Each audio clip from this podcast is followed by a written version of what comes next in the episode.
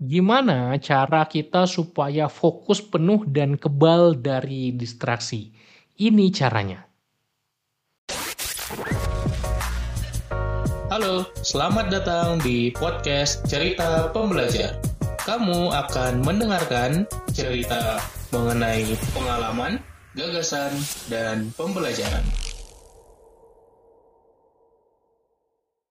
Season 15, jadi produktif. Konsisten menghasilkan lebih banyak, usaha lebih sedikit.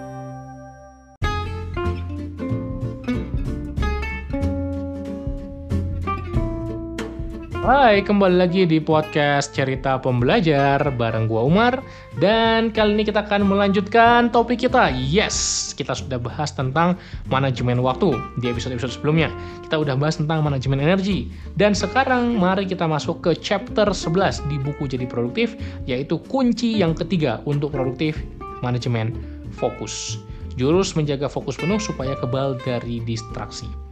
Ini sebuah quotes juga yang menarik. Sebetulnya melatih fokus bisa dilakukan dengan sederhana.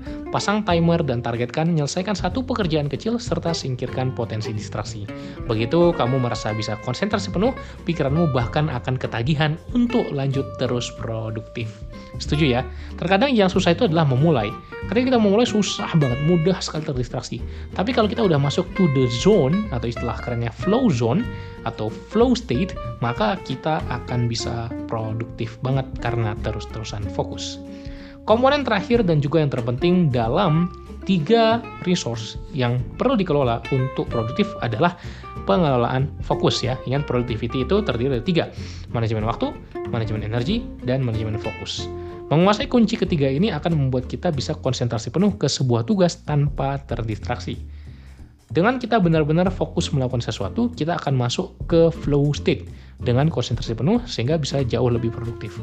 Ini adalah kondisi aliran penuh atau kondisi aliran yang dipopulerkan oleh Sihali, Nixon Sihali, di mana kita benar-benar merasa imersif ke dalam suatu tugas dan gak bisa terganggu oleh distraksi apa pun, sehingga menjadikan kita berada di kondisi deep work yang menjadi syarat kita mencapai peak productivity atau produktivitas puncak. Sumbernya adalah bukunya Stephen Kotler, yaitu The Art of Impossible. Gimana caranya supaya kita bisa terus fokus tadi dan tidak terdistraksi? Kita perlu melatih diri kita untuk masuk ke flow state. Flow adalah kondisi di mana kita betul-betul fokus melakukan sesuatu dengan kesadaran penuh. Sebagai sebuah mindset ideal dalam bekerja, dalam kondisi flow kita akan merasakan kesadaran optimal. Dan ini bikin kita melakukan sesuatu itu benar-benar fokus gitu, nggak bisa terganggu oleh apa pun juga. Kreativitas kita meningkat kalau kita masuk flow state ya fokus kita makin tajam dan kita bisa menyelesaikan lebih banyak tugas dengan waktu yang sama atau bahkan lebih sedikit.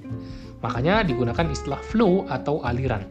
Semua seakan mengalir begitu saja dan bahkan ciri dari flow state adalah kita sampai lupa waktu, kehilangan sense of time.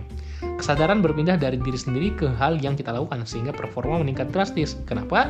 Sampai kita bisa lupa waktu karena kita sebegitu asiknya, sebegitu imersifnya dengan apa yang sedang kita lakukan.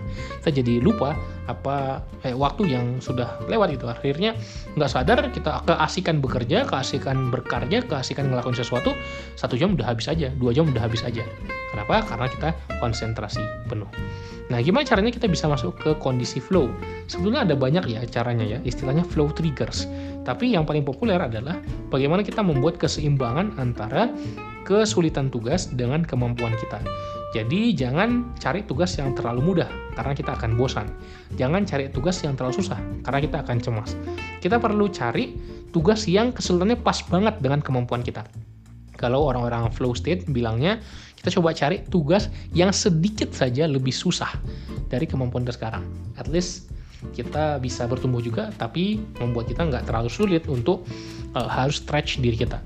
Idealnya itu 4% lebih sulit daripada tugas kita. Tapi kan nggak bisa diukur sedemikian akuratnya ya. Yang penting kita cari aja yang kurang lebih selaras dengan kemampuan kita, maka kita masuk ke flow state dan kita bisa grow di sana. Oke, jadi ada diagramnya yang kalau lo pegang buku bisa buka halaman 161.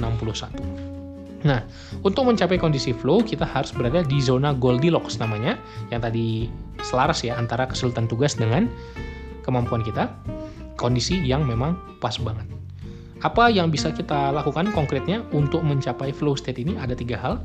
Yang pertama, tentukan tujuan yang jelas dan target durasi penyelesaian. Misalnya, selama dua jam ke depan, gue bakal ngerjain satu hal spesifik. Selama satu jam ke depan, aku akan fokus baca buku dan matikan semua potensi distraksi. Yang kedua, fokus pada tugas yang sedang dilakukan, hindari distraksi. Ingat ya, hilangkan semua potensi distraksi supaya nggak ganggu kita. Kalau mau kerja, kalau mau belajar, kalau mau berkarya, matiin dulu sosmed kita, matiin dulu handphone kita, dan fokus menyelesaikan tugas kita. Terakhir yang ketiga, pilihlah aktivitas yang tidak terlalu mudah dan tidak terlalu sulit.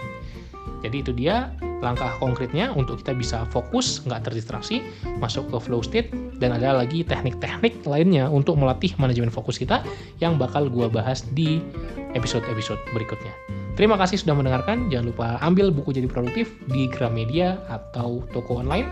Terima kasih. Salam pembelajar.